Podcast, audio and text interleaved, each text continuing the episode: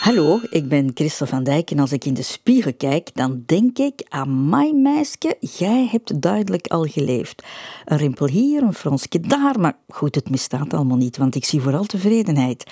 Tevredenheid over wat geweest is en hoop voor wat nog moet komen.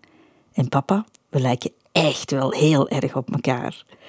Maar hoe kijken bekende Vlamingen die elke dag in beeld komen naar zichzelf in de spiegel?